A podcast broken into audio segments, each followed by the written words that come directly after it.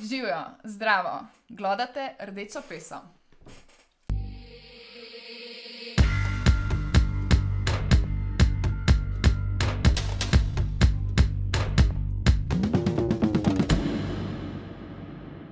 Torej, mineva že leto dni, v bistvu, odkar se je novi koronavirus začel nekontrolirano širiti po svetu in spremenil v svetovno pandemijo. In po relativno uspešnem prestanem prvem valu, ko je okrog 70 odstotkov ljudi v Sloveniji delalo od doma, zapomnite si to, je slika v zadnjih mesecih veliko mračnejša in v bistvu zelo žalostna. Po podatkih SURS je število umrlih v oktobru 2020 za 26,8 odstotka više kot v oktobru 2019.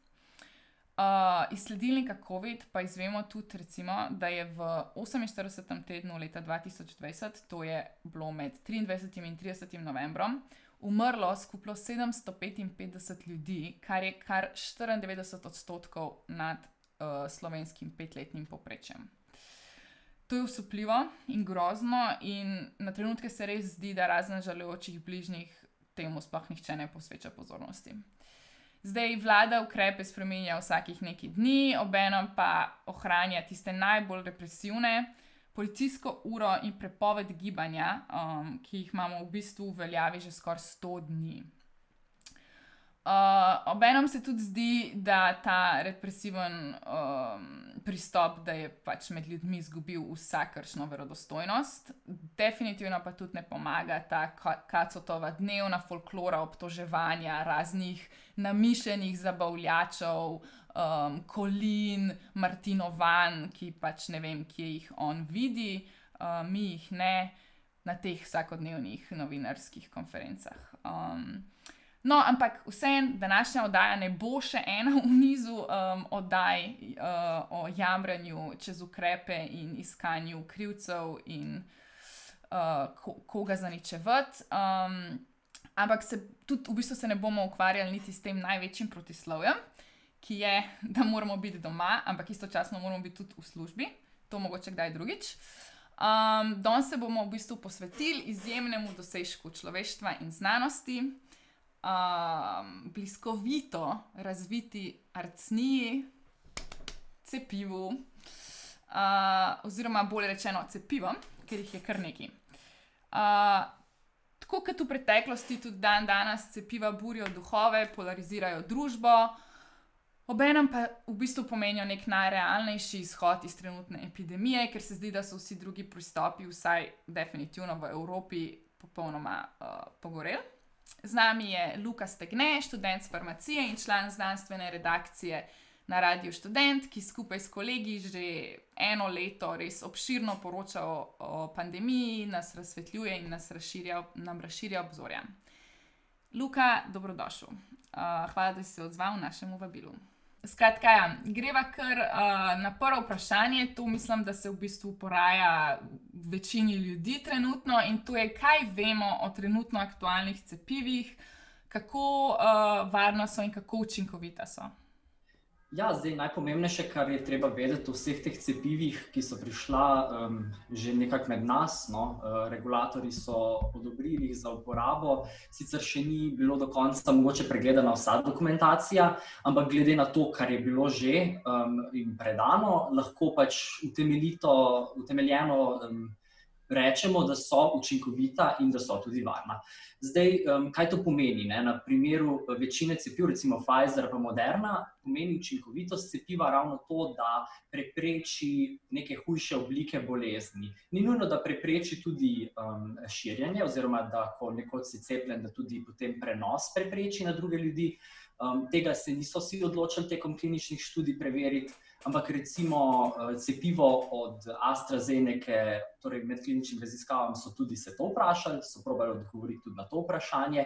Ampak vsekakor eh, večina cepiv no, zelo, zelo dobro dosega tiste visoke procente, kar smo slišali nad 90, da prepreči um, neke najhujše oblike bolezni. Torej, tudi če pridemo v stik z virusom, potem um, um, prebolimo še samo v blažji obliki. Tiste. COVID-19, torej bolezen, ki jo virus povzroča.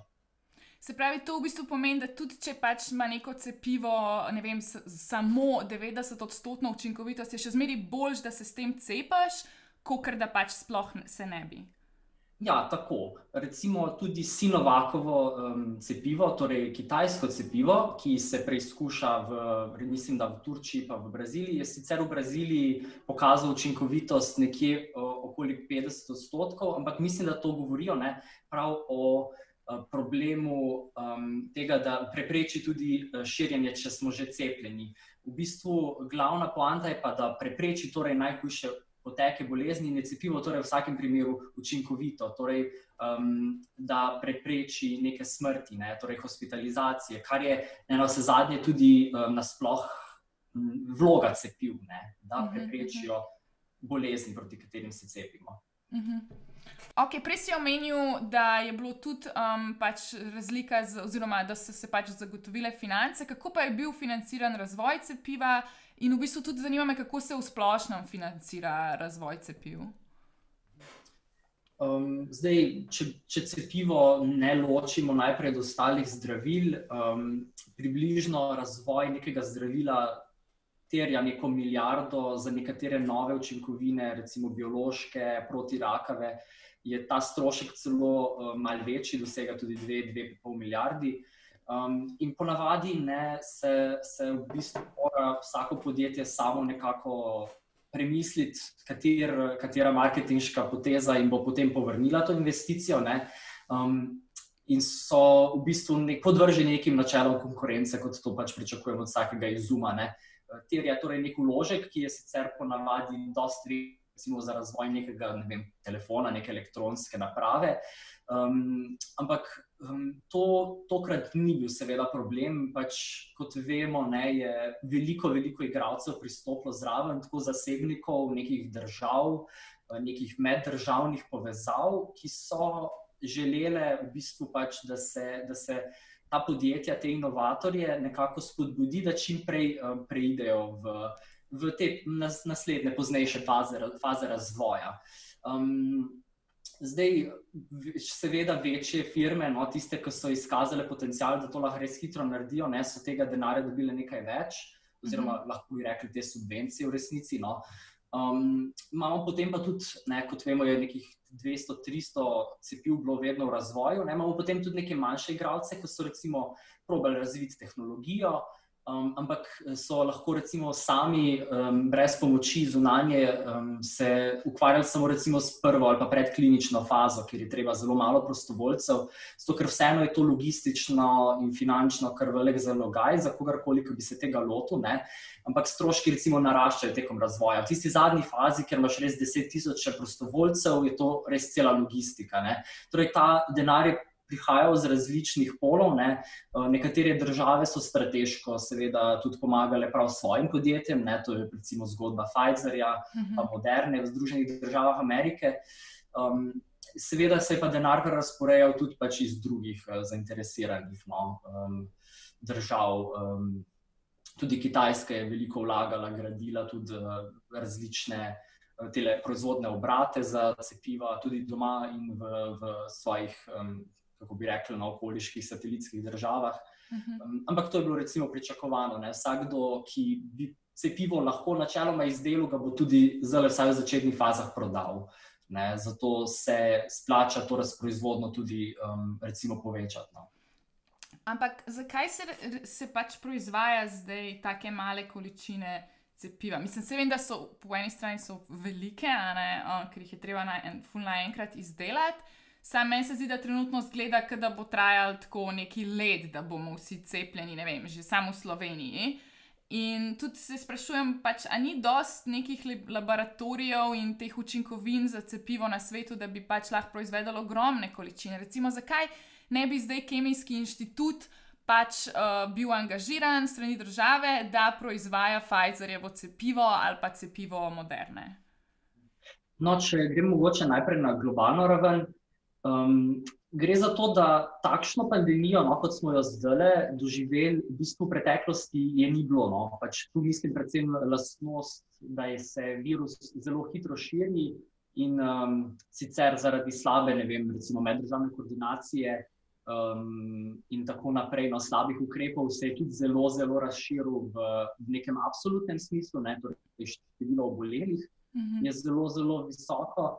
Tako da ne, rabimo zelo na hitro, zelo veliko količino cepiva, kar mogoče, ne, če pomislimo, nismo nikoli v bistvu rabili biti pripravljeni. Ne. Eh, večina cepiv, ki zdaj obstajajo, so tako, ne, da si eh, tekom neke scheme v otroštvu cepljen. In um, ne rabimo pa zdaj naenkrat v enem letu precepiti za neko stvar. Ne vem, ja, tako, sedem milijard ljudi. Ja. Um, tako da nismo bili pripravljeni tudi iz tega razloga, zato ker ne vem, recimo tudi gripa, cepivo za gripe, ko se vsako leto načeloma prilagodi, um, zahteva ne vem, kvečem nekaj sto milijonov odmerkov, ne, kar je še vedno ne, ne, ne, ne, ne dosega niti približno tistih 14 milijard. No, če vzamem, recimo, da večina cepiv zahteva dva, cepiv proti COVID-u zahteva dva odmerka, še, še ne dotaknemo se te številke. Zdaj pa, um, če mogoče grem na kemijski inštitut, no, mimo grede, ki razvija tudi svoje cepivo. Um, laboratoriji, kot so na kemijskem inštitutu, ni nujno, da, se, da lahko pokrijejo celoten segment proizvodne, ki proizvodna cepiva vseeno zahteva več korakov, to je ali sinteza, ali prečiščevanje, ali pa um, nasploh zelo težavno. Um, obvladovanje nekih učinkovin, nekih formulacij farmacevtskih, ne, ker na koncu mhm. imamo nek zelo, um, zelo sterilno, um, sterilen um, ali pa kako ne rečemo. Um, Enovit izdelek, ki je mogoče proizvodna, precej uh, kompleksna. Uh mhm. -huh. in, uh, recimo Kemijski inštitut, načeloma, no, čeprav je kar velik inštitut, nima zdaj uh, verjetno neke proizvodne hale, kjer bi lahko pa zdaj ogromne količine tega proizvajal. Ne. Ampak seveda je to samo eden, ena od težav, druga je seveda, da je treba zagotoviti zelo visoko, steril, zelo visoko sterilne pogoje proizvodnje. Um, kolikor vem, um, tretje stopnje no, za večino teh cepiv, in recimo Kemijski inštitut uh, nima takšnega oddelka, takšnega prostora. Um, kar zahteva, seveda, tudi recimo, izobraževanje kadra, pač kako ravnati v takem okolju. Um, to, to bi vzelo dosta časa, dosta strošek, velik bi bil. Ne? Potem je pa še, seveda, tukaj uh, so vsa načela dobre proizvodne prakse, dobre laboratorijske prakse, ki jo je treba, recimo, najprej dokazati, preden lahko ti sploh. Um, preden bo sploh, recimo, EMA oziroma Evropska agencija za zdravila um, ti dala zeleno luč, ne? to je potem bi bilo treba uh mhm. -huh dokazovati še dodatno. Ampak se pravi, to pomeni, da v bistvu imajo pač ta velika podjetja, ki bodo zdaj to pač proizvajala in v bistvu tudi ful dobro zaslužila nek monopol, ne samo na tem, da so pač dejansko sposobna mislim, pridobiti finance, da, da, da, da to proizvedajo, ampak tudi nad tem know-howom, znanjem, pač znanstveniki ljudmi, ki bi bili sposobni pol dejansko to proizvajati. Ja, in to je en od eh, večjih problemov, ki tle nastopi, ko govorimo o proizvodni samega cepiva. Večina znanja je koncentriranega v nekih teh večjih podjetjih, ki se sploh ukvarjajo z razvojem cepiv. No. Um, ti imaš lahko tudi velika podjetja, ki pa ki jih, recimo, cepiva sploh ne zanimajo, ne, ali pa nek segment um, raziskav v farmaciji, neke, neke zdravilne učinkovine, sploh niso v nekem njihovem portfoliju. Mhm. Um, in um, potem se res ravno to lahko zgodi, ne, da v bistvu razvoj narekuje ravno neka konkurenca med nekimi parimi marketinškimi oddelki teh velikih podjetij. Uh, ki morajo nekako upravičiti, pa v bistvu celo zagotoviti čim višji dobiček, ne, ne samo visokega, ampak pač čim višjega. In um, samo tisti, ki vejo, ne, da, se bo, da se jim lotevanje tega bi splačalo v tako kratkem času, da res lahko pač zagotovijo neko cepivo.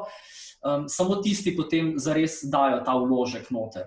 Um, in um, s tem, ko pač tekmujejo, ne, seveda se morajo oklepati neke zaščite, morajo svoje tehnologije probati um, čim bolje zavarovati, in potem se zgodi to, ne, da pač, če je napredek že narejen. Um, hkrati prenese veliko pač intelektualne, intelektualnih, intelektualne lastnine, torej inovacij, ki bojo potem pač zaščitene in, in, in neko prednost, torej konkurenčno, ki pomeni tudi 20-letno zaščito na določene, na določene recimo, sintezne korake. Kamor, ko, ko pogledamo, ne, torej to kompleksno mm proizvodno, lahko oni zaščitijo marsikaj.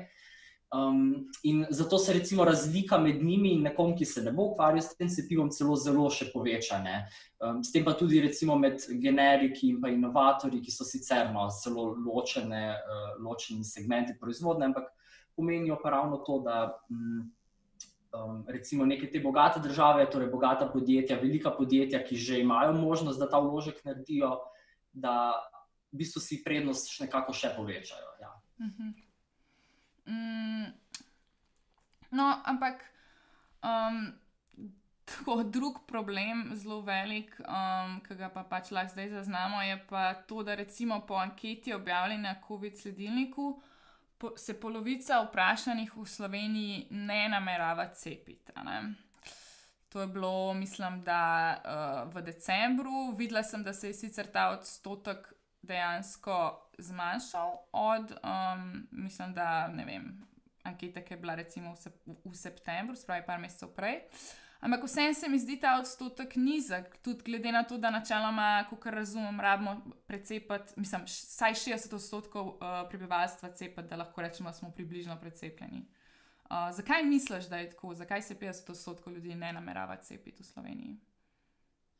Jaz mislim, da razlogov je v resnici lahko kar nekaj, no, in pač potem um, v bistvu njihova neka skupna um, kolektivna moč nad nami nekako privede do teh 60 odstotkov ljudi, ki se recimo, um, no, mislim, da ne, številka je nekje približno 40, da so skeptični ali pa da se cepijo, sploh ne bi. Um, gre za to, da je zelo, zelo malo časa minilo od začetka epidemije na nek način. Um, se mi zdi, ne, da, da ljudje res hočejo imeti zagotovljeno, hočejo imeti dostop do nekih informacij, ki jim bodo dale vedeti, da je to cepivo za res tudi varno in učinkovito. Um, tukaj se tudi pokaže to, ne, da pač v bistvu industrija je tista, ki samo proizvede zdravilo, potem pa v bistvu je še veliko, veliko uh, dela treba narediti tudi v sami družbi, med ljudmi, ki bodo to cepivo prejeli. Um, ker jaz ne bi takoj šel, ne pa rekel, da so, da so ljudje kar anti-vaxxeri, pač nekateri so sigurno takšni, da bojo cepivo res tudi kljub prepričevanjem um, zelo težko um, sprejeli. Ampak je pa veliko takih ljudi, ki jih pa vseeno mogoče skrbijo stvari, ki so čisto legitimen strah. Ne? In pokazali se je, da, da jim teh odgovorov nihče mogoče niti ne želi zdaj. Predočiti, oziroma, ni neke strategije, ki bi lahko rekli, da, da zelo učinkovito predstavi, recimo, državljanom in državljankam, kaj, kaj so različne, kako je to v bistvu kompleksen proces, zakaj deluje, ne, zakaj bi moral načeloma eh, biti uspešen, dati neko cepivo, ki je um, dobro, kvalitetno, varno in učinkovito. Um, in, um, in tukaj v bistvu potem je nekako v bistvu skoraj ta vloga padla na, na medije, no, tudi na nas, ki se ukvarjamo z novinarstvom, da pač pravimo ta vprašanja razjasniti, ker niso toliko v bistvu enostavna, mogoče, ne? ampak se jih da predstaviti na tak način, da vsakdo razume, zakaj je to, um, zakaj, zakaj je neka informacija kvalitetna. Um, o, sem, o samem cepivu, ne, zakaj lahko zaupamo. Na tem bi mogli več delati, več kot pa na, recimo, kot si že prej omenila, neki tej represiji, ki je vse čas, ne, kako se ne znamo obnašati. Ampak načeloma ne smo upravičeni do neke razlage. Ne. Um, ja, meni se tudi zdi, da recimo, um, tako zelo se pač strani vem, države, ki pol pač v bistvu zelo, zelo, zelo takim represivnim pristopom ali pa v bistvu takim zaničevalnim pristopom do pač ljudi, ki se jim čist legitimno, se nam porajajo vprašanja, ne, pristopa, um, brez da bi ne vem, hotla naglasiti recimo um, pač vprašanje, da, mislim, vprašanje tega ali pa dejstvo tega, da pač ta ista farmacevtska podjetja, ki so pač zdaj proizvedla ta cepiva in jih proizvajajo in jih dajo na trg. Um, mi jim moramo zdaj po eni strani vsi ploskati in biti full veseli, ne pogovarjamo se pa pač vseh nekih um, zelo znanih goljufijah, ki so se jih pač lotili v preteklosti.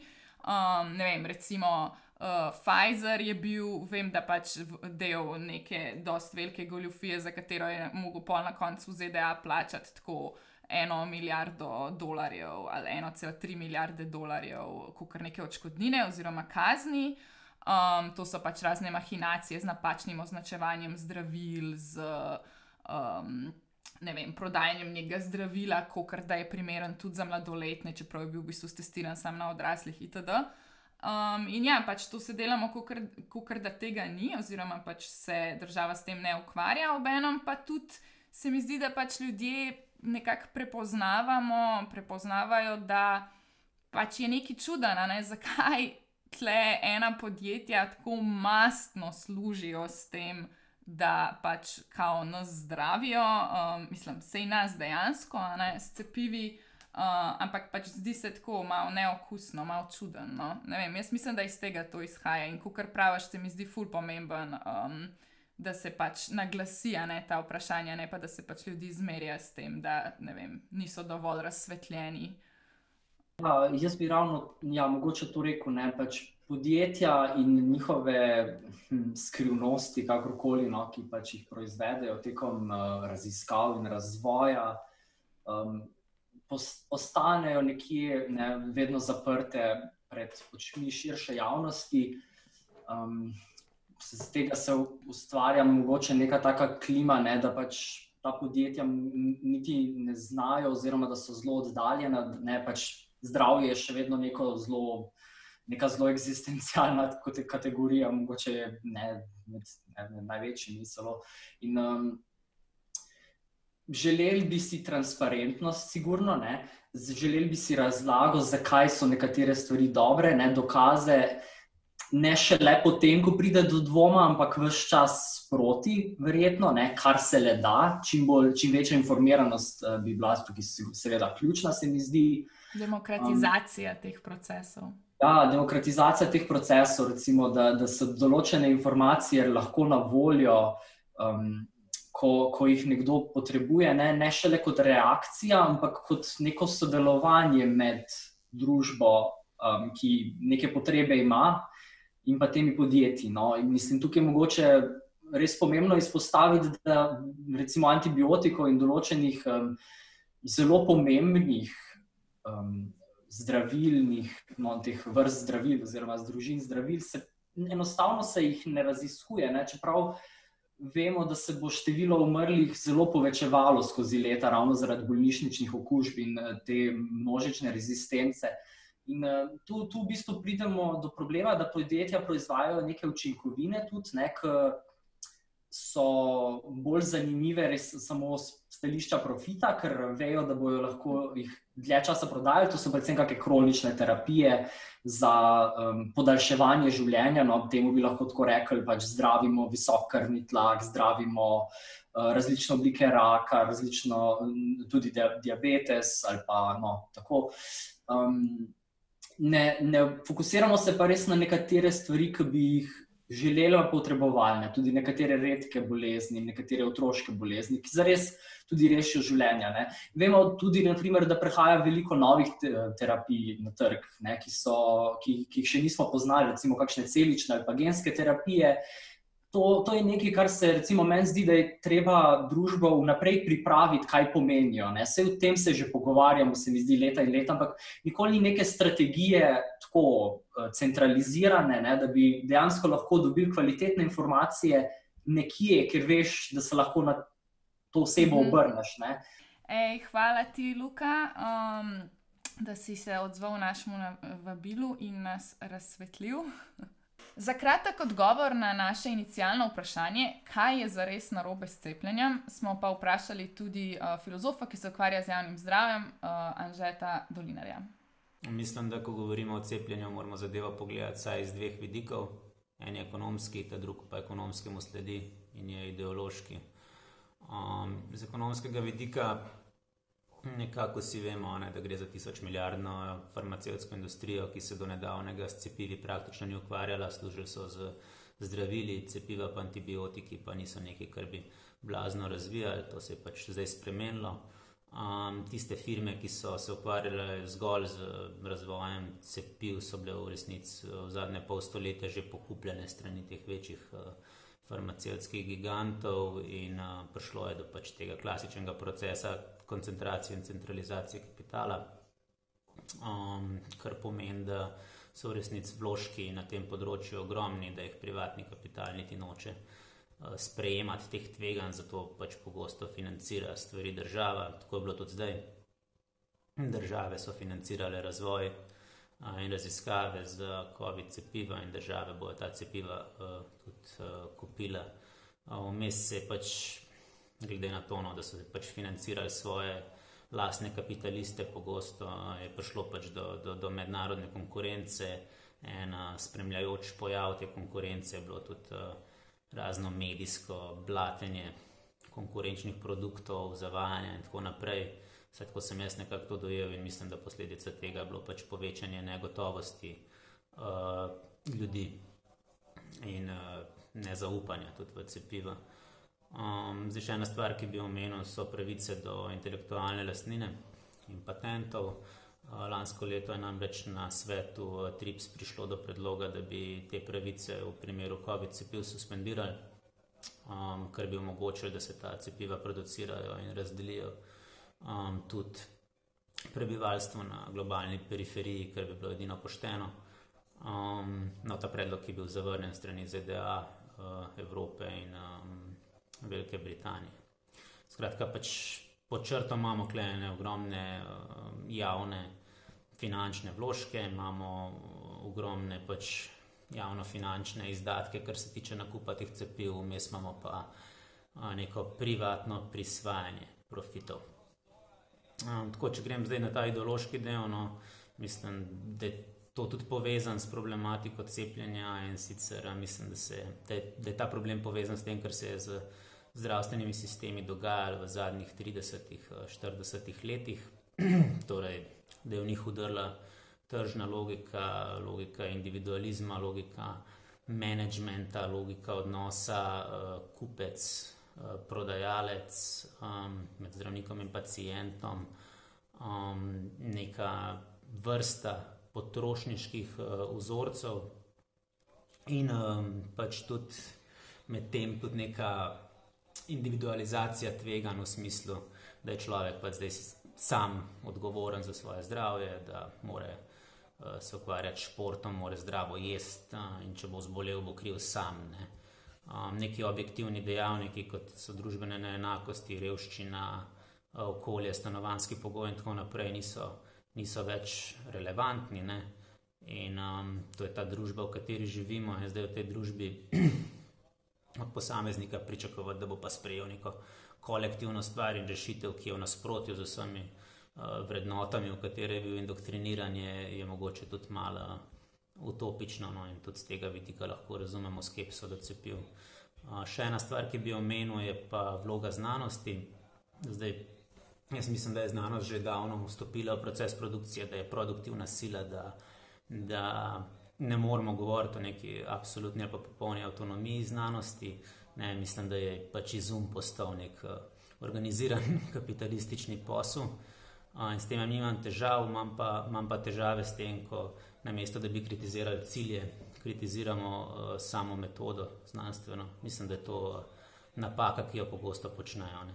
Nimam pa težav s kritiko ciljev. Ne. Mislim, da 90 odstotkov vseh raziskav v medicini se osredotoča na 10 odstotkov vseh uh, bolezni, ne, kar je pokazatelj tega, da je znanost v funkciji ekonomije in uh, meščanske politike. Tako, um, kaj so rešitve? javno lastništvo farmacevtskih podjetij, deljenje podatkov glede raziskav in razvoja, odprava pravic do intelektualne lastnine, um, produkcija in distribucija teh cepiv in tudi zdravil v skladu s potrebami. Um, predvsem pa to, da tržno logiko, tako na, na ravni izvajanja, kot tudi na ravni uh, financiranja, popolnoma uh, izločimo iz zdravstvenih sistemov.